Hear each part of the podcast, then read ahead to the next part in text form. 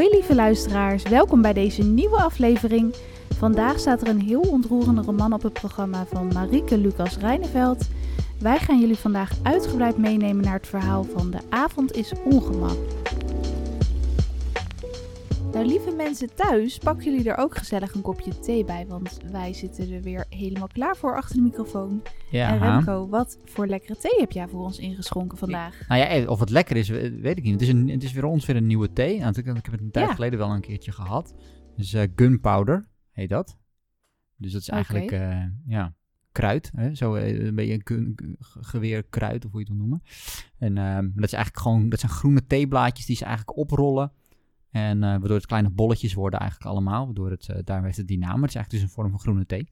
Oké, het is echt gewoon groene thee. Het is niet dat er Ja. nog allemaal, zoals bij die heksenthee, kattenpootjes, kruid en dat soort dingen in zitten. Nee, dit, dit is eigenlijk gewoon een beetje thee in de puurste vorm. Hè? Het is gewoon groene thee, dus het is niet, niet gefermenteerd niks. Of althans, bijna niet gefermenteerd. En dan, eh, ja, niet de hete temperatuur water erop. En dan heb je eh, groene thee, gunpowder. Oh, nou lekker. Ja, maar dat kan soms wel eh, een beetje, dus ik hoop dat het, kan soms een beetje bitter zijn, dat soort thee. Oh ja, Het is vaak ik hou niet eh, van al te bitter inderdaad, nee, maar we eh, gaan het meemaken. wel leuk. Want ja, dankzij Amanda, die heeft ons ooit dus samen met een eh, vriendin heel veel van die, ja, hoe noem je dat? Verse thee cadeau gegeven. Wat je dan Ja, losse thee, Losse ja. thee noem je dat meer. Ja, En sindsdien hebben wij dus allemaal van die smaakjes, ook gewoon theezakjes nog. Maar dat is wel echt leuk. En nou ja, op eh, onze verjaardag krijgen we altijd weer een nieuwe voorraad van eh, Amanda Ja, en, ik heb nu voor mijn laatste verjaardag En- een, eh, ja. een, de- de- een nieuwe theepot gekregen. Dus dat is Ook, nog, ook, ja. Dus ook helemaal in stijl voor de podcast vinden wij dat Ja, altijd wel leuk. En ehm, ja, wel een heel bijzonder boek staat vandaag weer op het programma. Zeg dat wel. Dus wel, ja. hè? Ik moet, wij zaten natuurlijk een tijdje geleden zaten we de top 2000 Agogo te kijken. Klopt, toen En- zijn we er echt opgekomen. En toen zat zij in, de, in, in een van die afleveringen en toen ging ze ook een liedje zingen, volgens mij van Boudewijn de Groot, want ze is een beetje Boudewijn de Groot fan volgens mij. Ja. Ehm, hè, in het boek komt het ook nog even terug. En toen was het liedje aan het zingen, dat was best wel, dat zong ze eigenlijk heel mooi. Dat ik echt dacht van, wow, oké. Dat is, weet je, is Marieke Lucas Rijneveld, eh, ja. Marieke, Marieke Lucas Rijneveld, inderdaad. Het was, meestal is dat een beetje ongemakkelijk, maar dat was het daar eigenlijk helemaal niet. En ik heb toen als eerste die, ehm, die, ehm, eh, die dichtbundel gelezen van haar. Van Toon Mary heb jij gelezen, toch? Ja, Of van? Toon Mary. Nee, Oh, oké. Van Toon Mary. Dus haar tweede dichtbundel. Ja, ehm, die na dit boek is uitgekomen. En dat was echt fantastisch. Ehm, je hebt hem, heb je hem beluisterd dat zij hem zelf Ja. eh, voordroeg op Ja, Storytel? ze had hem zelf voorgelezen op Oh, Storytel. wauw. Dus dat was wel echt een aanrader. Dus, dus in eerste instantie, want dit wat boek wat we dus gaan, nu gaan, gaan bespreken, was niet door haar voorgelezen. Dus daar baalde ik eigenlijk een beetje van. Ehm, in eerste instantie. In eerst, voordat je begon, Voordat ik begon. eh, want ik niks moet, te nadelen van nee, en ik ben net te oud voor Diewertje Blok als Sinterklaasjournaal. Dus ik, ik ben niet heel bekend met haar... eh, Serieus, was dat haar nog niet in jouw tijd? Nee, toen was het meer Aart Staartjes die dat, Oh, ja? eh, die dat deed. En voor mij was het niet echt Sinterklaasjournaal. Althans, ik kan het in ieder geval niet herinneren. Want Marieke Lucas Rijneveld is wel grappig. Zij is volgens mij geboren in 1991, dus maar drie jaar jonger dan jij. Ja. Maar goed, misschien toch net... ja, dat zal net dat randje zijn geweest. eh, En ik, ik denk dat ik wel vrij snel van Sinterklaas af ben gevallen. Dus ehm, om het zo maar te zeggen. Dus sommige mensen, sommige kinderen, die zijn er echt nog als ze 10, 12 zijn er al echt wel druk mee bezig. En ja. voor mij En jij was al de jongste redelijk- thuis. Ik had ook nog een klein Ja, broertje en zusje dus dat die ook. dat ook nog keken. Dus ik had een oudere zus die, daar, eh, die, daarvoor weer- zorgde. Ja. zou ik maar zeggen. Ehm, maar, Ah. eh, maar, maar nee, eh, dus eh, ja, als we dan toch gelijk hebben over... Dus, dus ja, Om nee, terug dus, te komen bij Diewertje Blok dus. dus ja. Diewertje Blok doet het ook gewoon heel goed. Dus niks te nadeel aan Diewertje Blok, die doet het heel goed, goed. En wat ook heel grappig is, want Diewertje Blok wordt een paar keer genoemd in het boek. Ik weet niet hoe jij dat ervaarde. Echt best wel vaak. Ik vond dat echt, want eerst gaat het dus over Konijn van de hoofdpersoon, die heet Diewertje. Maar op een gegeven moment kom je dus echt achter dat de hoofdpersoon Jas, waar we het zo zeker uitgebreid over gaan hebben, ja, die heeft een bepaalde fascinatie of een bepaalde liefde, wil ik bijna zeggen, voor Diewertje Blok. En, eh nou en ja, de Groot eigenlijk En ook nog Boudewijn de Ja. Groot, inderdaad. En, en nog wel wat meer eh, wel mensen. Maar nu je maar- het zegt, ja, ze zong in die aflevering van Top 2000 eh Agogo dus een nummer van Boudewijn de Groot. Ja, ja. Ja. en ehm, nou ja, echt, echt een heel mooi boek. De avond is ongemak. Ik vond het ook gelijk wel een, een hele pakkende titel. Ik was wel heel benieuwd. Volgens mij hadden we er allebei ook wel veel over gehoord. Ja, Ehm. nee, veel, ik, ja, had jij er veel over? Ik had niet per se heel veel over gehoord. Het was meer dat ik op een gegeven moment, inderdaad, nadat ik eigenlijk die, eh die dichtbundel had geleden, lezen, dat ik dacht van, oh, ik wil eigenlijk ook wel dan ehm, meer lezen. Want dit is wel, dit, dit, dit, Want Dit even kort over meer. de dichtbundel. Omdat Ja. je toch wel zei van... Wat maakte dat zo fantastisch dan voor jou? Ik heb hem zelf dus nog niet mogen lezen. Maar, Nee. ehm, ja, wat, het- gewoon de, de manier hoe zij met woorden omgaat en hoe ze zinnen en, en ja, het is gewoon heel rauw aan de ene kant, zeg maar. En aan de andere kant is het weer heel lief of zo. En dat, die combinatie is, is echt fascinerend, vond ik. En dat zit ook in dit boek. Dus, dus heel veel van die, die gedichten die zijn... ehm, ja, aan de ene kant is het heel erg ja, beeldspraak of zo, eh, hoe je het wil noemen. Maar ja, zeker. is heel beeldend. aan de ene kant is het dan is soms heel, heel schattig bijna. Zijn er schattige scènes. Aan de andere kant zit er ook wel weer... ja, grof is misschien niet het goede woord, maar het is- eh, dus het is confronterend, wat dan ook. Dus ja, dat, ehm, ja het, eh, het was ontroerend, zeg maar. Ja, en, Ontroerend, ja. ja, en het was, eh, het was zeg maar... Ja, het was gewoon een goede bundel, ja. En goed voorgelezen door haar. Ik denk dat zij dat... ehm, Lijkt me ook wel heel bijzonder om Ja. inderdaad, want ik, ja, ik vind haar sowieso in. Ik heb best wel wat interviews ook met haar teruggekeken. Ik vind haar gewoon wel heel, ja, ik weet niet, inspirerend en gewoon een fascinerend persoon of zo. Dus Ja. het lijkt me dat ze dat ook wel heel mooi eh, heel kan sympathiek, hè? voordragen. Heel sympathiek komt ze over, weet je. En gewoon zo getalenteerd dat je, want ze is, eh, nou ja, ik zei het net, ze is eh 30. 30 ongeveer. Ja, Nu. precies. Toen ze dit boek schreef was ze dus 26, volgens mij toen het uitkwam. Ja, het schijnt dus dat ze, eh, wat ze zelf zei, dat ze dus zes jaar met het boek is bezig geweest. Waarschijnlijk niet eh, Zes jaar continu schrijven. Heb je een flinke blaar op je vingers. Want eh, ze heeft volgens mij in die tijd ook de dichtbundel uitgebracht. Haar eerste dichtbundel, Kalfsvlies. Ja. En het schijnt dus, en daarom vind ik het eigenlijk jammer dat ik die zelf nog niet heb gelezen. Maar dat die wel veel overeenkomsten heeft met De Avond is Ongemak. Dat je die eigenlijk naast elkaar zou kunnen lezen. Dat bijvoorbeeld eh, gedichten uit eh Kalfsvlies weer ehm, nou ja, een aanvulling zijn op het verhaal en andersom van het boek. Eh, dus dat, is- en dat verklaart ook misschien wel dat dat dus drie jaar eerder is uitgekomen. Want ja, de avond is ongemak. Laat ik beginnen. Wat vond jij van het vertelperspectief van dit boek? Zo, eens even naar binnen komen. Eh, De hoofdpersoon. Hoe Ja, vond je nee, dat? Ja. Ja, gewoon... Ja, je hebt, je, wat, wat ik denk wel heel interessant was, we waren op een gegeven moment het boek aan het lezen. En, en op een gegeven moment zaten wij eigenlijk, ik weet niet meer, waar aan het lunch of zo, wat dan ook. En toen vroegen we eigenlijk ons elkaar af, is het nou een jongen of een meisje? Eh, die we eigenlijk, want dat was best wel grappig. Eigenlijk iedereen omheen, want uiteindelijk wordt het wel duidelijk. eh, dat althans vind ik in dat het duidelijk wordt dat het een meisje is. Maar in begin, dat vond ik wel heel interessant. Want die, en dat doet ze heel goed namelijk. En dat, dat is toen wel meer boeken, maar zij doet het heel goed. Is dat eigenlijk in eerste instantie, later mi- minder in het boek, maar in eerste instantie is eigenlijk Jas een vrij niet zeggend iets. Waar wil ik bijna zeggen. Dat klinkt een beetje negatief, maar wat ik bedoel is dat je het zelf heel erg moet invullen. Waardoor je heel makkelijk, vond ik, kan inleven in die persoon. Je ziet meer de gebeurtenissen om haar heen, zeg maar. Ehm, Maar dat is ook vanuit een ik-perspectief ja, geschreven. het is vanuit dus een ik-perspectief geschreven, maar je Ja. hebt heel erg het idee dat dingen om je heen gebeuren. En dan dat je in het verhaal zit, bedoel je, je, wordt, ook je gelijk. wordt in het verhaal gezogen en dan later eigenlijk, ik denk iets voor de eerste, voor de helft van het boek of zo, dan wordt het eigenlijk, gaat, gaat het meer naar binnen keren, gaat ze ook meer uitleggen over wat, haar, wat er in het hoofdkarakter zich afspeelt. En dan kan je dat veel beter accepteren dan dat je gelijk begint met het opbouwen van de ik-persoon. Dus ik denk dat, dat, ja, dat is gewoon heel slim geschreven, denk ik. Eerst overkomt haar alles en later wordt ze eh, iemand die daadwerkelijk iets gaat doen in het verhaal. Ik denk dat dat heel slim is Ah, gedaan. je dat bedoel je. Dus eigenlijk dat ze zeg maar in het begin, eh, want volgens mij is het verhaal ook verdeeld in drie delen. Ehm, Het eerste deel begint gelijk met de heftige gebeurtenis waar eigenlijk het hele verhaal op voortborduurt. Dat je dus eerst de gebeurtenissen beleeft en dat je pas verder in het boek, dus misschien in deel 2, dat je stukje bij beetje steeds meer haar gevoelens bloot komen te liggen en dat je steeds meer haar gedachten beleeft. Bedoel je dat ook? Ja, en waardoor, en waardoor, het makkelijk, waardoor ik het makkelijker vind om als... ehm, soms is dat, vind ik wel soms het nadeel aan, aan boeken die uit de ik-persoon worden geschreven. Is als die ik-persoon heel gedefinieerd is in het begin al gelijk, of gedefinieerd wordt in het begin. Van wat, de, wat de karaktereigenschappen Wat de zijn, bedoel je? karaktereigenschappen zijn, hoe ze denken, hoe ze voelen, hoe ze... ehm, dan heb je niet, zeg maar, meegemaakt waarom die dat karakter zo is, zeg maar. En dan is het soms, vind ik het soms moeilijk als lezer zijnde om in, in die persoon in te leven. Snap je wat ik bedoel? Ja. En hier maak je eerst alles mee wat zij meemaakt, inderdaad. Dus, dus ehm, ze maakt in het begin van het, van het boek gebeuren best wel nare dingen. Die maakt ze mee, waardoor ehm, de dingen die zij later doet in het boek heel logisch zijn en die je ook goed kan voelen als lezer zijn. Je kan, daar, je kan je daarin, je kan snappen dat ze soms een bepaalde, op een gegeven moment heeft ze kikkers op de kamer en die behandelt ze zeg maar niet eh, correct, om het zo maar even te zeggen. Hè?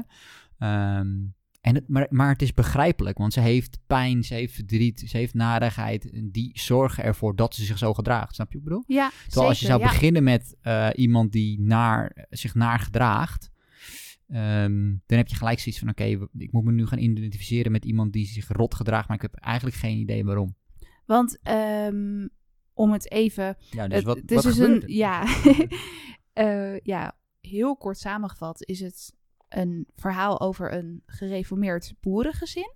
ehm, waarin ze ja, te maken krijgen met het verlies van een zoon. Dus met de broer van Jas, haar oudere broer. Ja. En het boek is nog veel meer dan dat. Maar in principe is het verhaal wel heel erg over rouw, eh, verdriet, ehm, gemis en, en hoe je daar mee omgaat. En heel erg ook hoe dat de weerslag heeft op het hele gezin. Dat Ja. vind ik echt heel bewonderenswaardig hoe Reineveld dat eh, heeft verwerkt in haar verhaal. Ja, en ook bijna hoe, je, hoe, je, hoe ze er niet mee omgaan. Dat is misschien wel, weet je wel. Precies. eh, want je zegt wel hoe ze ermee omgaan, maar eigenlijk hoe ze er eigenlijk niet mee omgaan is nog bijna belangrijker dan hoe ze er wel mee omgaan, zeg maar. Want je hebt eigenlijk dus dat gezin, hè. Dus je hebt die vader en die moeder. Mhm. Ja, Ehm, je hebt dan dus eigenlijk twee, zus, twee dochters en, en twee zonen. Ja. Eh, waarvan dan de oudste zoon eh, komt te overlijden. Door een schaatsen Ja. ongeluk. Ja. En dat is echt al in, in eh, ja, volgens mij de eerste paar pagina's gebeurt dat al. Ja. En daarom was ik ook wel nieuwsgierig wat jij vond van het vertelsperspectief. Want het, is, het gaat Ja. dus vanuit Jas. Ja, wat vond jij, wat vond jij dan van het, van het perspectief? Of wat vond jij van Jas? Of, of... ehm, ja, ik vind het dus wel heel knap dat je dus schrijft vanuit een tienjarige. Want in het begin van het boek eh, beleef je het verhaal dus vanuit Jas. eh, na, vlak nadat, nou vlak voor en vlak na de dood van haar broer. En op een gegeven moment, volgens mij, wordt er een soort tijdsprong gemaakt in het verhaal. Eh, want dan zijn er een paar jaar verstreken. Dan kijkt Jas ook af en toe terug in de tijd. En dan is ze 12 jaar ongeveer. Dus dan zit ze wat meer in de puberteit. En dan krijgt ze ook meer die eh, strubbelingen. En eh, ja, waar je als puber mee te maken hebt. Ze gaat dan ook naar de middelbare school. Daar vertelt ze dan ook over dat ze naar de brugklas gaat en dat soort dingen. Ja. Ehm, hè, Daarom- dan komen er ook best wel veel dingetjes toch wel terug over. Nou ja, je lichaam ontdekken. Maar ja, ze komt uit een gereformeerd gezin. Dus daar wordt absoluut niet over bloot gesproken. eh, geen voorlichting gegeven. En dat vind ik wel dat de auteur, eh, je zei net al, beeldspraak, dat ze daar heel goed gebruik van maakt om dingen eh, uit te leggen. Bijvoorbeeld, dat is volgens mij het eerste hoofdstuk, eh, dat ze dan, dan is dus de kerstvakantie, vandaar ook dat haar broer gaat schaatsen. En dan hebben ze dus servetten en kerstengeltjes. Maar dan is er dus iets voor het geslacht van de engeltjes eh, gehangen, omdat ze dat dus niet mogen zien. Dat soort dingen, weet je wel? Ja. Met dat soort ja, uitleg of dat soort beschrijvingen voel je heel erg die beklemmende sfeer in het gereformeerde gezin. En het idee wat ik wel zelf had, is dat eh, in principe, het was natuurlijk wel streng gereformeerd, maar dat ze ja, heel gelukkig eigenlijk wel met elkaar waren. Dat het heel liefdevol was en dat eh, hun moeder goed voor hun zorgde en de vader met veel plezier voor de koeien zorgde. Maar dat, dat na de, eh, ja, het overlijden van de broer, dat toen gewoon het helemaal, ja, dat er gewoon niet meer gepraat werd. En dan vind ik ook die titel zo pakkend, De avond is ongemak. Ja, dat klopt helemaal. Dat, dat verandert eigenlijk alles, hè? Dat, absoluut begrijpelijk. Ehm, want, want wat heeft jou daar zelf het meest in geraakt in, in dat verhaal? Wat is jou het meest bijgebleven?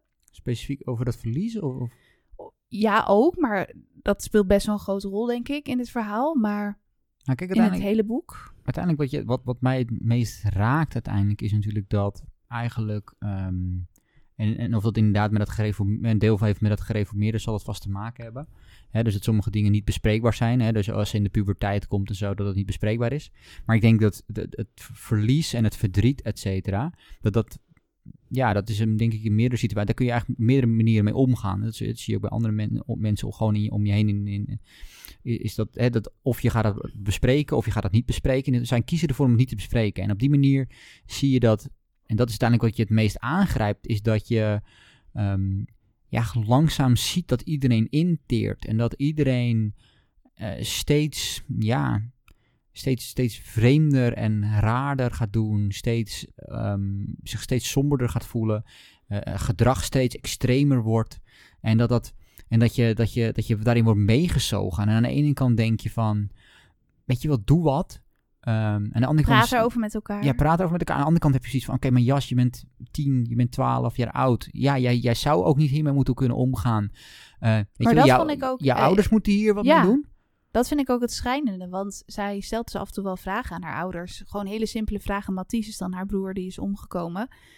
Dan stelt ze gewoon een vraag van, ja, hoe zou dat eigenlijk gaan als hij in de hemel is? Dat vond ik, dat raakte mij best wel erg van, uh, hoe gaat dat? Want ja, hij heeft helemaal zijn portemonnee niet bij zich en hij wil heel graag boeken lenen in de bibliotheek. Maar krijg je in de hemel ook een boete, weet je wel? Dat soort kinderlijke ja. vragen. En Precies. dan wordt ze gestraft. Ja. En dan mag ze het er gewoon niet meer over hebben. Ze mag gewoon niet. Je moet de doden in stilte gedenken, wordt dan gezegd. En dat je denkt, dan wil je toch. Uh, ja, je wil letterlijk die hoofdpersoon gewoon een knuffel geven. Dat je denkt, ja, logisch dat zij die dingen vraagt. Ja, dus dat, dat is enorm, enorm tragisch. En ondertussen heb je die, die moeder die, die op een gegeven moment. Die, die eigenlijk gewoon zegt: Ja, ik stop gewoon eigenlijk voor mezelf te zorgen. Kort door de bocht. Uh, hè, die, die, die, die, die stopt in principe met eten. En, en, en gewoon, ja, gewoon algeheel ja, is, uh, presteert ze niet meer optimaal en ze zorgt er helemaal niet voor het gezin. En wat je dan ziet is dat eigenlijk het gezin heel erg voor haar gaat zorgen. Terwijl eigenlijk die kinderen zorg nodig hebben, gaan die zorg, kinderen nu zorgen voor de ouders. En zeker voor de moeder. Hè, dus op een gegeven moment zegt die moeder van ik ben een slechte moeder en et cetera, et cetera. En dan gaan die kinderen gaan jou zeggen van nee, je bent een goede moeder, et cetera. Terwijl zij, terwijl die, we weten dat die kinderen dat eigenlijk ook helemaal niet... Um, ja, niet zo voelen. Vinden, niet zo voelen, niet zo ervaren. Ja, het is ook best wel terugkerend in het verhaal dat Jas, de hoofdpersoon, dat zij wil voorkomen dat haar ouders nog meer verdriet wordt toegedaan. Dus ze wil er alles aan doen om ze weer gelukkig te maken. Om, nou ja, ze heeft dus, wat je net al zei, twee padden als vrienden. Dus ze uh, gebruikt die ook best wel vaak als symbool van, nou, als ik de padden aan het paren krijg, dan moet het voor uh, vader en moeder toch ook wel lukken. Want misschien gaat moeder dan weer eten. Weet je, ze is daar heel erg mee bezig dat ze, uh, ja, echt voor haar ouders wil, wil zorgen. En um, wat ik net besprak van het interview met Marieke Lucas Rijneveld, daarin vertelt ze dus ook dat deels is het wel fantasieën, dit verhaal, maar deels is het ook wel gebaseerd op haar eigen jeugd. Niet volledig uh, wat ze aangaf, maar ze heeft ja, ook haar broer verloren. En heeft daardoor heel erg die rouwperiode meegemaakt. En heeft toen ook zelf heel erg die neiging gehad om te zorgen dat haar ouders uh, niet nog meer verdriet werden toegedaan. En daardoor ga je dus heel erg uitsloven. En um, ja, durfde ze niet helemaal zichzelf te zijn. En dat zie je ook heel erg bij uh, de hoofdpersoon. Want bijvoorbeeld, ze heeft altijd haar jas aan. Dat vind ik ook zo'n ja, ja. metafoor. Of dat is niet zomaar. Wat vond jij daar dan van? Ja, het is, het is... Weet je, de grap daar is dat sommige dingen worden... Dit, dit is altijd interessant. En dat is ook een beetje met wat ze, wat ze bij de dichter, uh, dichtbundel ook had. Is sommige dingen worden, precies wat je zegt met die engeltjes, worden heel gedetailleerd, worden heel nauwkeurig en heel precies beschreven. Je, ziet het echt letterlijk, je ziet het echt voor, letterlijk je. voor je. Ik moet zeggen dat die jas juist weer zo'n ding is wat af en toe omhoog kwam. En dat je denkt, oh ja, die jas. En op een gegeven moment wordt het me wel iets duidelijker. Maar ik vond het soms... Um, soms vond ik het een beetje ontastbaar of zo. Ik, ik, kon, ik kon niet helemaal erin komen of zo met die jas. Misschien is dat ook weer dat wat, me, ja, wat mensen zeggen van dat is typisch literatuur of zo. Dat je dus niet alles letterlijk opschrijft, maar dat er dus dan dat je het een beetje zelf kan interpreteren. Ik weet nee, het niet. Nee, dat denk ik wel. Maar ja, ja, nee, de jas, ik snap de jas wel, maar ja. Het, het, want ja. ze wil op een gegeven moment haar jas dus niet meer uittrekken. En volgens nee. mij zegt ze ergens in het boek van ja, uit angst om dingen kwijt te raken. En ze verzamelt dus ook allemaal dingen in haar jaszakken, omdat ze dus bang is dat ze ze kwijtraakt. En ze noemt het volgens mij ook weer haar jas van angst. En uh, ja. ja. ze wordt dus best wel gepest dat ze altijd maar haar jas aan heeft. En die begint ook te rafelen en die wordt vaal. Uh, maar ze ziet het echt als haar uh, kracht. Um, en ik heb daar een st klein stukje over. Dat gaat deels over de jas. Of Dan nou gaan ja, zien. ik heb uh, Wat meemaken hier dan. twee stukjes opgezocht. Want ik vond het gewoon, ja, die zinnen waren gewoon zo mooi in het uh, verhaal. Zo mooi beschreven dat ik dacht, nou ja, ik had het zelf nog nooit zo mooi gelezen. Dus ik wilde jullie dat ook heel graag laten horen. Um, dus excuus als het een beetje een langer stukje is, maar ik vond het wel heel mooi. Want hier, um, dit is een stukje dat Jas dus tegen de padden aan het praten is in haar kamer. Die heeft ze dus heel stiekem van de paddentrek meegenomen in haar kamertje. Ja, dus ze heeft inderdaad een emmer op haar kamer waar dus die twee padden in zitten van de paddentrek. Want ze hebben met school hebben ze een soort van paddentrek ja, ding gedaan. En, Met de kerk ehm, of zoiets, En ze heeft daar dus geleerd dat die padden ehm, eerst eh, het moeten doen en daarna ehm, weer eh, gaan eten. Dus, en omdat die moeder van haar niet meer eet, wil ze eigenlijk dat die padden het gaan doen. Ehm, zodat daarna ook ehm, eh, de vader en moeder het kunnen gaan doen. En dat daarna weer iedereen kan eten. En dat iedereen weer gezond en gelukkig is. Dat ze zich er ook zo verantwoordelijk voor, voor voelt. Hè? Dat is echt wel, eh, Ja, ja, die, die, die- die- ja precies. dat is echt wel eh, strijdend inderdaad. En dit is dus een stukje deels ook over de titel. wat ik zelf wel echt ja, heel ontroerend vond ook. en ehm, het is dus geschreven vanuit Jas, die dus haar padden in de kamer aan het toespreken is. Kijk, ik weet niet wat liefde is, maar wel dat je er hoog door kunt springen. Dat je er meer baantjes door kunt zwemmen, dat je het zichtbaar maakt. De koeien die zijn namelijk ook vaak verliefd. Dan springen ze op elkaars rug, ook de vrouwtjes bij de vrouwtjes. We moeten dus iets doen aan de liefde hier in de boerderij, maar eerlijk gezegd, zeer gewaardeerde padden, denk ik dat we ons ingegraven hebben, ook al is het zomer. We zitten diep in de modder en niemand die ons er nog uithaalt. Hebben jullie eigenlijk een God? Een God die vergeeft of een God die onthoudt? Ik weet niet me- meer wat voor God wij hebben. Misschien is hij op vakantie of heeft hij zich ook ingegraven. In ieder geval is hij minder op de zaak. En al die vragenpadden, hoeveel passen er in jullie kleine kopjes? Ik ben niet goed te rekenen, maar ik schat een stuk of tien. Moet je nagaan dat als jullie kopjes wel honderden keren in mijn hoofd passen, hoeveel vragen er dus in mij zijn? En hoeveel antwoorden ook, die maar niet afgevinkt worden. Ik ga jullie nu weer in de emmer terugzetten. Het spijt me daarvoor, maar ik kan jullie niet vrijlaten. Ik zou jullie gaan missen. Want wie waakt er dan nog over mij als ik ga slapen? Ik zal beloven dat ik jullie op een dag meeneem naar het meer. Dan laten we ons samen afdrijven op een lelieblad en misschien, heel misschien, durf ik dan zelfs mijn jas uit te doen. Al zal het even ongemakkelijk zijn, maar volgens de dominee is ongemak goed. In ongemak zijn we echt. Nou, dat vond ik wel eh, een sterk stukje. En zij is dus heel erg bang om haar jas eh, Ja, uit te doen. En eh, dat vond ik dus ook wel weer. Ja, dat raakte mij dus ook best wel weer dat Marieke Lucas Reineveld dus ook in een interview zei dat zij dus zelf ook vroeger eh, dat echt als een soort harnas droeg, die jas, eh, om zichzelf eh, te beschermen. Dus het is echt een beschermlaagje hè, wat ze daar heeft. En het is ook een, hè, weet je, al zegt ze, ze bewaart allemaal dingen in die jaszakken en zo. Dus natuurlijk een manier om eigenlijk ja, herinneringen of hè, de- de- bang zijn om dingen te- nog meer dingen te verliezen. Dus ze houdt op een gegeven moment alles bij haar, denk ik. Het is en sowieso ook veel interessant. dwangmatige gedachten. Want ze, ze voelt zich ook schuldig voor, voor het verlies van Mathies, haar broer. Omdat ze, eh, ja, ze was boos dat ze niet mee mocht gaan schaatsen. Toen heeft ze volgens mij een gebedje gedaan van... eh, ja, ja, dat, dat eh, ze was bang. Nee, dat was het inderdaad. Ze was bang dat haar vader het konijn Diewertje eh, zou slachten voor het kerstdiner. Toen had ze gebeden voor God dat hij beter haar broer kon nemen. Zoiets was het, geloof ik. Ja. En toen voelde ze zich dus ja, kinderlijk heel schuldig. En ehm, ze doet er dus het hele boek ook volgens mij al- alles aan om hem terug te laten komen. Hè? Van haar adem inhouden tot bidden, tot offers brengen. Ja. Dat is ook wel iets wat vaak terugkomt. Hè? Hoe zie Ja. jij dat? Dat ze steeds dus een beetje Nou, de grens opzoeken en offers doen en Nou, offers brengen. Ja, ik bedoel, dat lijkt toch een beetje. Ze komt zelf ook uit een gereformeerd gezin. En dat, ik weet niet per se, het is niet per se daarmee te maken, maar wel natuurlijk een beetje met het geloof. Ik denk dat zij zelf ook wel gewoon worstelde daarmee.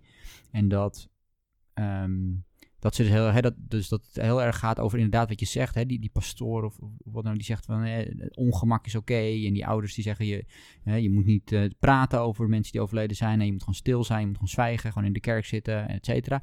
Dus heel erg dat soort van. En als je, hè, als je het niet doet zoals het zou moeten, hè, dus als je iets doet wat niet mag, om het zo maar te zeggen. Ook de televisie bijvoorbeeld aan op een dag die niet mag, of wat dan ook. Dan word je gestraft. Dus dat, het, het- in haar Dan komt er een plaag. Daar hebben ze het ook toch steeds Precies, over. dus heel erg in haar hoofd werkt ze met, met, met straffen en met, met, met, met wij zijn schuldig, et cetera, et cetera. En inderdaad, wat ze dan op een gegeven moment bedenken is van, oh, maar hey, eh, er zijn meerdere zaken zijn er gebeurd. De padden, hè, dus de paddenplaag, of de kikkers of de padden. Hè, dus dus eh, iemand is verdronken, ehm, eeuwige donkerte, et cetera. Dat is natuurlijk de laatste dan. En Duisternis, de ja. eeuwige duisternis. Ehm, en, ehm, maar ook eh, op een gegeven moment is het zo dat de televisie toch opeens aanstaat. De, de ouders hebben de televisie aangezet op een, eh, op een dag of op het moment dat het niet mag. En dan blijkt ook dat die, eh, de mond- en klauwseer is uitgebroken in, eh, bij, bij de koeien. Wat ook iets is wat eh, rond, rond de 2000 volgens mij een beetje afspeelt of iets later. Ja, dat was hij Ehm, waarschijnlijk ook heel erg dat, dus dus ja. dan zegt ze, oh, maar zie je wel, eh, zij en haar broertje vooral, zie je wel, dit is weer de volgende plaag die komt. Omdat, hè, dus, dus ze zien Haar eigenlijk... moeder geloof, zij vangt dat ook een beetje op, want dat vond ik ook wel. Haar ouders vertellen haar dus gewoon niet wat er aan de hand is. Ze vraagt, ja, wat is MKZ? En Precies. ze hoort haar ouders daarover praten. En dat lijkt me zo beangstigend als kind, dat je gewoon ja, daar niet in wordt meegenomen. En dan ga je ook, wat ze net zei, ook in dat stukje wat ik voorlas, dat ze zoveel vragen in zich meedraagt. Ja, heel Ja. begrijpelijk ook. Ja, dus je ziet één voor één die plagen komen en ehm, ja, uiteindelijk heeft ze dan het idee van, nou, dat- dan betekent ook dat het einde van de wereld eraan komt, zou ik maar zeggen. Dat is een beetje waar, ze op, eh, waar het op neerkomt. En dan heb je ondertussen nog die, die, die oudere broer van haar en dat zusje. Ehm, maar vooral die oudere broer vind ik wel ook, ja, die, die is ook, ja, dat, je, je merkt dat er allemaal dingen ook mis zijn, zeg maar. Die is niet Gefrustreerd bedoel die is je, enorm of- gefrustreerd. Dus die is, die is op een andere manier, zeg maar, heeft die, verwerkt hij zijn problemen. Maar daar speelt ook heel veel. En dat is ook hierin. Hè? Die gaat op een gegeven moment dan even kort vertellen tegen haar wat, de, wat dan die, M, die, die MKZ, dus die mond- en klauwzeer is en zo. Maar dat gaat ook allemaal heel kort af. En, en weet je, hij, hij doet ook dingen. Hij doet dan dingen die niet mogen en, en et cetera. Beetje rebe- eh, rebelleren Hij is een beetje aan het rebelleren. En eh, ja, je merkt dat het hele gezin wordt steeds meer ontwricht. En er gebeuren steeds gekkere dingen. Ehm, hij is natuurlijk iets ouder dan haar. En dan heb je nog dat kleine zusje wat daar dan eigenlijk een beetje, ja, een beetje tussen zit. En die, die, Ze heeft wel, ik vond die band tussen Jas en Hanna, Ja. haar zusje, dat vond ik wel, ja, de liefde spatte daar wel eh, van af. Eh, hè, de onderlinge grapjes die ze met elkaar Ja. hadden. En soms eh, een beetje de gekke spelletjes, ja. ja, het is een van de weinige eh, soort, van, soort van positieve dingen op momenten. Maar inderdaad, daar zitten ook wel ja, gekke dingen in. Want dat is natuurlijk wel het ding, hè? gewoon de hele schrijfstijl. Dat, is iets, niet per se iets wat we hier nu aan het bespreken zijn. Want ik denk dat je dat gewoon een beetje moet lezen. In het stukje wat je net had, is dat ook niet echt van toepassing. Maar het is af en toe wel... ehm, hè, zelf zegt ze ook, hè, Jan Wolkers is een beetje mijn... eh, Haar inspiratiebron inspiratie, en haar haar voorbeeld, idool. ja. Ehm, en die, ehm, die nam het niet, ja, dat was ook niet altijd heel netjes geschreven, om het zo maar even te zeggen. En dat doet zij ook. Alleen ik vind wel dat, dat heeft, ik vond het eh, net als, ik vind het goed geschreven. Het is heel mooi en het is heel gaaf en ik, ik vind dat super interessant aan het boek. Ik moet wel zeggen dat het af en toe een beetje gek vond overkomen van een tienjarige. Dat heb ik vaak gehoord, dat mensen dat Ehm. een beetje ongeloofwaardig vonden. Omdat je gewoon het idee hebt dat een volwassene terugblikt op zijn jeugd. Bedoel je dat? Ja, ja. Dat, dat is soms een beetje moeilijk vanuit de ik-persoon. Dat je denkt, dit Ehm, zijn zulke verstandige en mooie gedachten die je nu verwoordt. Dat, Ja. ja.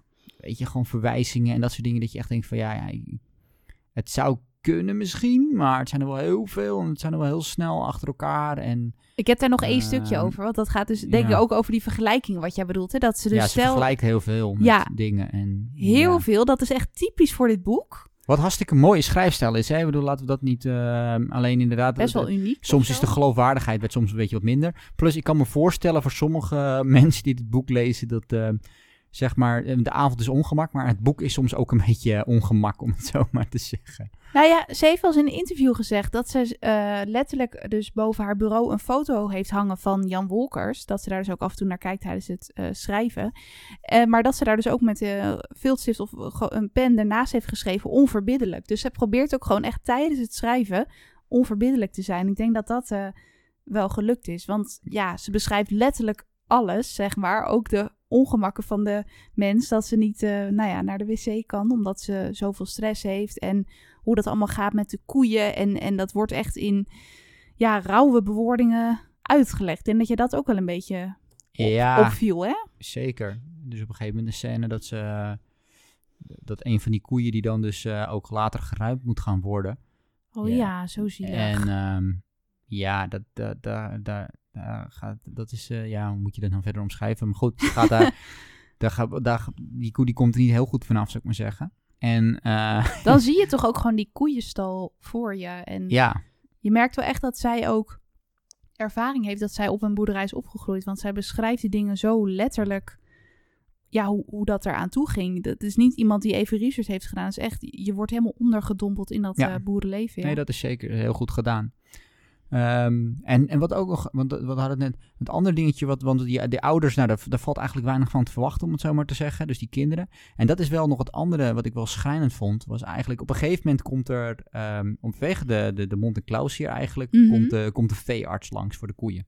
Ja, dat is ook een belangrijk persoon, de En veearts. eh, ja, er zijn nog wel meer belangrijke, maar dit is wel echt een belangrijke, want hij is eigenlijk in eerste instantie lijkt hij soort van de, de messias te zijn of zo voor haar. Hij lijkt degene te zijn, hè, hij komt binnen, hij zegt, oh, ben jij een leuk meisje en eh, weet je wel. Ze zoekt een redder samen met haar zusje. Ze zoeken eigenlijk Ja. een plan om, En hij te lijkt dat te zijn. Hij is de redder voor haar. Ehm, ondanks dat hij, en dat is natuurlijk wel de grap, ondanks dat hij zeg maar voor haar vader eigenlijk ehm, juist niet de redder is. Want hij is degene die uiteindelijk alle koeien moet gaan afmaken, omdat ze...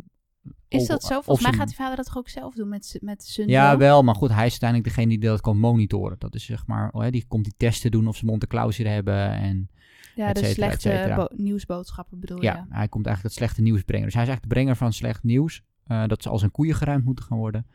Ehm, en ondertussen is hij eh, de redder voor, eh, voor Jas en, en Hanna. Hij is ook de eerste die aan haar vraagt, mis je misschien je broer? Ja, precies. Want de ouders zitten steeds te klagen van, ja, waarom heb je de jas aan? En waarom trek je hem niet uit? En je mag dus niet eh, hardop over de doden spreken. En hij is de eerste die aan haar vraagt, mis je je broer? En dat, dat zijn wel dingen, dat zijn wel eh, momenten dat je even met tranen in je ogen zit soms tijdens het lezen. Had jij dat niet? Dat je Ja, dat is ook enorm naar. Want je, je, je- en, en, en- ik geloof, je gelooft het ook, zeg maar. Ik, ik geloof het in ieder geval eh, wel, weet je wel, in, in het verhaal. Ik geloof echt dat inderdaad dat die, dat de mensen in, die- in die kerk, de buren, de mensen op school, ehm alle andere, ja, die, die, die grijpen niet in. Iemand zou moeten ingrijpen en niemand doet dat. Je wil hè. ingrijpen als lezer. Je wil ingrijpen als lezer, en, maar, maar aan de andere kant, ze, ze schrijft wel geloofwaardig. Je gelooft wel inderdaad dat andere mensen gewoon niet ingrijpen. En die, die, die veearts natuurlijk, die komt echt vanwege die Monte echt langere tijd en regelmatig bij hun thuis. Dus die, ja, daarvan heb je het idee ook dat hij wat door, dat hij doorheeft dat het niet helemaal in de haak is, om het zo maar te zeggen. nee, hè. klopt. Ehm, en dan gaat zij dus inderdaad ook daar gaat ze de testen doen eigenlijk om te kijken of hij inderdaad echt de redder is, om het zo maar te zeggen. En dat is, eh, daar komt dan die koescène een beetje eh, Oh, die scène bedoel je met het kaasbordje in de koe. met het kaasbordje in de koe. Ja. Dus Eh, ehm, hè, om te testen ja. of hij inderdaad echt zo'n goede, verstandige man is, veearts is. Het schijnt En- trouwens dat eh, Ja. Mijn Lieve Gunseling, dat is dus een boek wat hiernaast uitgekomen, volgens mij vorig jaar, dat dat dus over een veearts gaat. Eh, want ik las dus dat iemand, een vriend of vriendin, die vroeg een keer aan Marieke Lucas Rijnenvat van, hey, hoe, wat, wat is er eigenlijk gebeurd met die veearts in dat verhaal van de avond is ongemak? En toen is ze dus, eh, ja, toen dacht ze van, hey, ik ga gewoon een boek schrijven over deze veearts. Oké. Ehm, ik weet niet per se of het die veearts is, maar het gaat in ieder geval over een veearts en een Een spin-off van dit. eh, verboden liefde met een boerenmeisje. Ja. Eh, dus dat is Mijn Lieve Gunsteling. Dus ook een supermooie titel.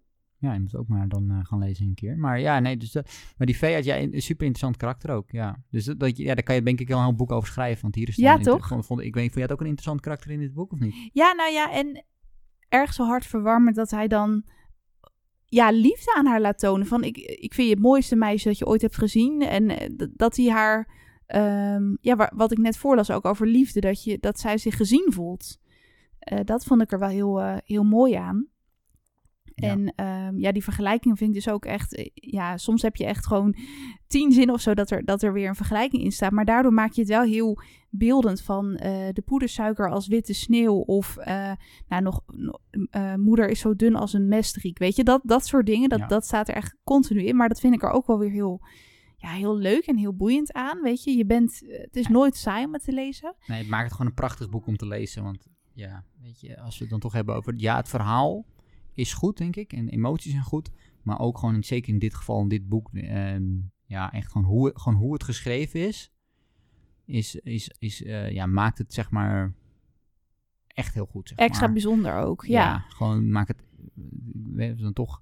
Ik weet niet hoe jij eh, het boek ervaren hebt, maar... Ja, het is gewoon... Het, is, het, het raakt je, het is goed geschreven... Eh, er zitten echt mooie zinnen in. Het, het is echt. Ja, ik heb hier nog een, Ja, eh, een fragment, omdat je het net over die vergelijking ook had. Ja. eh, wa- Waar, daar herken ik wel in van. Het is inderdaad laat heel mooi geschreven. Eh, maar soms heb je dus door dat, dat je denkt van, nou, dit lijkt meer een volwassene die gewoon terugblikt op haar jeugd, dan dat dit echt door een tienjarige is geschreven. Maar ja, ik vond dat zelf niet afbreuk doen aan de ja, schoonheid van wat er beschreven werd. Maar ik, ik ja, nee, dat, dat vond ik niet. Maar dat is waar, wat jij net een beetje bedoelde. Ja, Ehm, daarmee zou het, daarmee zou het als, je het, als je het vanuit een verteller zeg maar doet, zou dat iets, eh, soms iets logischer zijn, Iets denk ik, dan vanuit de ik-persoon. nog. Ja. Maar goed, het, eh, ik moet zeggen dat het inderdaad tijdens het, eh, tijdens het lezen is het niet een, niet een stoorfactor of zo. Nee, het is niet een, een, nee, een stoorzender dat je denkt, nee, dus af en toe dat je een beetje denkt van, oké, dit is wel een hele bijzondere tienjarige. Maar goed. Ja, dit, dit, die zinnen zou ik onmogelijk kunnen bedenken. Dus daarom vind ik het ook zo knap dat, dat de auteur gewoon op haar twintigste is begonnen aan dit boek. En ze was 26 toen ze het af had. Maar Ja. dat je zoiets kan schrijven, vind ik gewoon echt wel heel knap. Ja, nou Ehm, laat, laat het tekstje ja, horen. Ik, ik ben, laat het ik ben nu tekstje horen. benieuwd. Eh, dit vind ik wel ja, gewoon heel mooi beschreven. Dat gaat dus over het gemis ehm, en een beetje de beklemming eh, die thuis dus heerst. Ieder verlies heeft alle eerdere pogingen in zich om iets bij je te houden wat je niet kwijt wilde raken, maar toch moet loslaten. Van een knikkerzak gevuld met de prachtigste knikkers en zeldzame bonken, tot aan mijn broer. In verlies vinden we onszelf en zijn we wie we zijn kwetsbare wezens als uitgeklede spreeuwenjongen, die zo nu en dan naakt uit hun nest vallen en hopen dat ze weer opgepikt worden. Dat, dat zijn van die vergelijkingen en er zijn nog talloze meer mooie, maar dat, Ja. ja. dat denk ik, wauw, dat, dat maakt het wel heel uniek. En ehm, dat was ook nog, ze hebben het dus steeds over de overkant, hè, dat ze daarheen willen gaan. Is dat, ik heb wel het idee dat ze soms ook een beetje metaforen heeft vanuit de Bijbel. Eh, bijvoorbeeld het beloofde land. Dat is natuurlijk iets in de Bijbel, dat mensen dat beloofd wordt. En Ja. dat is ook een beetje het plan wat Jas maakt met haar zusje Hanna om daarheen te gaan. Ja, Ehm, ja. de, Dus- de overkant, ze, ze wil gewoon weg daar dus eigenlijk. Of hoe zag jij dat? ja, eigenlijk oversteken naar het beloofde land volgens mij. Dat is een beetje hoe ik dat eigenlijk Gewoon naar de stad, gewoon weg van het boerenland, van het platteland Ehm, of zo. Nou, meer, ik denk meer vanuit, eh, wat is dat normaal gesproken? Ik ben niet, mijn bijbelkennis is niet helemaal optimaal, maar meer dat je natuurlijk vanuit Egypte, dat je uiteindelijk eh, oh, eh, letterlijk de, door de Rode. Zee heen gaan om uiteindelijk, eh, om uiteindelijk eh, naar Met het beloofde land te, gaan. Ja, Ehm, ik zag het meer op die manier. Dus eigenlijk het ontvluchten van de plagen. Hè? Want de plagen zijn natuurlijk in Egypte. Dus dat is eigenlijk waar zij nu woont. Daar zijn de plagen, die spelen zich daar af. want in heeft ze dan ook het gevoel dat als zij weggaat, dat haar ouders dan ook bevrijd zijn van de plagen? Dat idee kreeg ik soms ook een beetje. Ja, precies. Ja, dus de plagen zijn daar vanwege, vanwege, haar, eh, vanwege dat zij daar zijn. Eh, en ze willen dus die plagen ontsnappen eigenlijk. Ehm, en, ehm, en daarvoor zijn opofferingen nodig. En dat is eigenlijk, eh, dat is eigenlijk een beetje volgens mij waar dat over gaat. Maar goed, en- dit is natuurlijk onze, of in ieder geval mijn interpretatie daarvan. Dat is, Maar- ik denk wel als je het boek, dat, dat zei iemand ook in een recensie, ik denk als je inderdaad het boek nog een keer zou lezen, of ook die bijpassende dichtbundel, dat je nog wel heel veel mooie dingen kan, kan ontdekken daarin. Maar ja, ze wil dus eigenlijk steeds naar de overkant. En op zich zit daar soms best wel, wat je net ook zei met dat zusje, zit best wel wat hoop in of zo. Dat het hoopgevend is van, nou, er is toch nog licht aan het einde van de tunnel. Ehm, maar toch, ja, blijft het wel een heel zwaar verhaal. Het, het is weinig positiviteit eigenlijk. Hè? Soms wat kleine lichtpuntjes. Ja, het, is wel echt, eh, het, zijn, eh, het zijn hele kleine lichtpuntjes waar je, het, eh, waar je het van moet hebben op dat vlak, zeg maar. Als je, als je even een opbeurder nodig hebt, dan zou ik niet het boek gaan lezen. Ehm, Nee, het, want ik het is, eh, ja, je het blijft is- er echt wel even lang stil van hoor. Het is wel echt even, ehm, ja, het is wel echt even een brok in je keel eh, boek, zou ik maar zeggen. Absoluut. Eh, en inderdaad, het eindigt ook, ehm, ja, niet, niet, niet, niet vrolijk of zo. Het is niet eh, een happy end. nou, dat is wel een understatement. Ehm, en even een understatement. Want- en ja, het is dat, ja. ja. dat, dat einde ook, ja, het, het past helemaal bij het boek, denk ik. we dachten, we gaan ervaart. het, we, we verklappen niet precies wat er gebeurt, zodat Nee. je het nog zelf kan lezen, maar dat degene die dit horen en niet wel hebben gelezen, ja, weet waar we het over hebben. Wat en wat we ervan vinden. Ik denk, het past helemaal bij het boek. Eh, maar het is wel zo dat het... Ik zag het niet aankomen hoor. eh, ik, zag het, ik zag het wel... Ja, ik denk dat ik het wel zag aankomen. Niet, niet, maar op een gegeven moment... ja, Door dat gepraat over duisternis in de zevende Ja, op een en gegeven moment, ik bedoel, je weet niet de details, maar je, je weet wel dat er zoiets aan zat te komen. Ik had het iets anders verwacht, maar wel redelijk in, de, in, deze, lijn- in dezezelfde strekking eigenlijk. Jas maakt dus een beslissing voor de mensen die het nog gaan lezen. En dat is. Ja, dat, Ja. Is, dat is een belangrijke beslissing en die, die bepaalt uiteindelijk, en uiteindelijk blijf je daar als, als, als lezer, blijf je eigenlijk eh, achter. Waarom denk je dat ze die beslissing heeft genomen? Want Ze probeert dus met haar zusje. Is dat dan omdat ze teleurgesteld is in die veearts als redder? Ik denk, dat, ik denk dat het een aantal dingen zijn. Het is denk ik ehm, een combinatie van er is geen uitweg. Het wordt niet beter. Hè, het wordt alleen maar slechter eigenlijk. De situatie wordt alleen maar slechter. En ik denk ook dat het stukje, en dat is natuurlijk door het hele boek heen, is, die, is, is opoffering. Hè? Dus het opofferen van iets. ehm, Verlangen met, naar de broer. met daarmee ja. hopen dat daarmee ehm, alles beter gaat worden. Dus het wordt niet beter, zo, hè? Het wordt niet beter eh, zomaar. Er moet iets opgeofferd worden. Eh, dus, eh, en, en, en dat is nodig om uiteindelijk te zorgen dat alles beter wordt. Dus ik, om, om eh, dus met die padden of, of op een gegeven moment zit nog iets met, een, met, met die koe of met, eh, met, met andere dieren en zo op die boerderij. Ze heeft nog een dier geslacht een keer, Ehm, ja. ja dus, dus er wordt continu iets opgeofferd om iets anders voor terug te krijgen. Ik denk dat dat een beetje het ding is. Hoe ver haar liefde dan Ehm, ook gaat voor haar ouders. Want dat, Ja, dat vond ik best wel hartverscheurend. Het is inderdaad veel opofferingen wat je beschrijft. Maar je en leest... schuldgevoel. Hè? en Hoe ver- En schuldgevoel. hoe ver schuldgevoel gaat over wat je al net aangaf. Hè? Dat ze natuurlijk eh, gevraagd heeft aan God om, om dat broertje dan te nemen in plaats of de broer te nemen in plaats van, eh, in plaats van, van het konijn. Ja. En ehm, dat schuldgevoel, eh, dat, dat vreten aan haar, zeg maar, door het hele boek heen. En zij hunkert ook gewoon zo naar liefde van haar ouders. Want er wordt best wel vaak ook vergelijking gemaakt tussen de kinderen en het vee. En zo worden ze ook gewoon behandeld, weet je. Het is eten, dat is het. Maar het is geen, geen warmte eigenlijk, geen warm nest, geen liefde. Ook geen Nee. diepe gesprekken. En je hebt dus letterlijk een, een fragment waarin eh, Jas beschrijft dat ze eigenlijk jaloers is op de stofzuiger. Omdat die altijd met moeder meegaat door het huis. En dat hij meer contact heeft met moeder dan zij. Ja. Dat soort dingetjes, weet je. Dat zijn echt wel hele rake eh, vergelijkingen. Ehm, Ja, en dat, ze die liefde zo mist, maar dat zij toch haar liefde zo groot is voor haar ouders, dat ze dus al die opofferingen doet. Ja, het is, ehm, dat maakt het juist zo schrijnend, denk ik. En ook omdat je dus weet, je, je voelt gewoon, iemand heeft dit echt meegemaakt. Ik weet niet, er zit gewoon zoveel ja, emotie in. En ehm, ook als ik dan de schrijver hoor vertellen over het boek, dat ja, vind ik gewoon wel echt dat ik denk, wauw, dit, dit gaat me echt wel heel lang bijblijven. En ook hoe zij dan vertelde dat ze vroeger dan een beetje stiekem naar de bibliotheek ging zelf om, om boeken te lenen. Want ja, ze kwam dus uit een eh, wel iets minder gereformeerd dan, dan de, in het boek, maar ook een gereformeerd gezin. En dat ze gewoon op haar kamertje, hè, net als ik, helemaal fan was van Harry Potter. Dat vind ik dan wel heel grappig om te horen, dat zij ook daar helemaal verslaafd aan was. En dat ze dus, omdat ze dat boek gewoon niet mocht kopen, niet eh, mocht houden, dat ze het gewoon helemaal heeft overgetypt. Weet je wel, dat soort dingen dat je denkt, Ik moest bijna denken een beetje aan, eh, aan, eh, aan Mathilda van Roald Dahl. ja, daar moest ik ook aan denken. Had jij dat ook? Die ging ook stiekem naar de bibliotheek, maar dat was dan een fictief personage. Ja, maar ehm, ja, dit, dit is theoretisch. Ja, dus dit, ja, dit is dus, ja, vond ik wel heel grappig inderdaad. Dat soort van, ja. Die, die schrijver, dat is ook gewoon zo'n eh, ja, sympathiek persoon hoe het op ons overkomt. Dus dat raakt je dan denk ik ook nog wel, wel meer. Dat je gewoon het gevoel hebt dat het echt het leven van iemand daarin verwerkt eh, zit in het boek. Ja, nee, het is... Ehm, ehm, ja, En ook nog dat het gewoon vertaald is in het Engels. En ik hoorde laatst zelfs dat er volgens mij een Poolse vertaling aankomt. Echt bizar. Ja, en ook meerdere prijzen heeft het gewonnen. ehm, Volgens mij is zij dus de eerste Nederlandse auteur die dus die International Booker Prize of zo heeft gewonnen. Dat ik denk, wauw, dan ben je 26 en heb je gewoon zo'n prijs al op je naam staan. Nee, dus dat is ehm, ja, bijzonder. Ik denk eh, ja, dat, dat het wel waard is, want het is gewoon een fantastisch boek. Dus ehm, We hebben eigenlijk eh, weinig kritiek. heb, heb, je, heb, je, heb je kritiek op het boek nog iets of zo? Ja, ik denk het enige wat ik precies is, wat ik al gezegd heb, is dat het af en toe een beetje ongeloofwaardig is dat een tienjarige het geschreven heeft, denk ik. Ja, klopt. Ehm, Daar kan ik me op zich wel en hoe goed. Diewertje Blok is, ik had nog fijner gevonden als, eh, als ze het zelf had voorgelezen. Als de- Oké, ja, dat wel. Ja, ik vind Diewertje Blok echt ook een geweldige voorleesstem hebben. Eh, maar het, ja, ik zou het ook, eh, ik ben ook wel heel benieuwd hoe uh, Marieke Lucas Rijneveld dat doet. Volgens mij wordt het andere boek weer voorgelezen door Hans Kesting. Lijkt me ook wel heel gaaf. Ja. Ja, wij zijn Storytel-fans, jullie horen het. Ja. Ehm, Ja, moeten we dan eh, moeten sowieso moeten we ze zeggen of moeten we gewoon het klinkt ook een beetje, hè? De schrij- het, eh, gewoon de schrijver.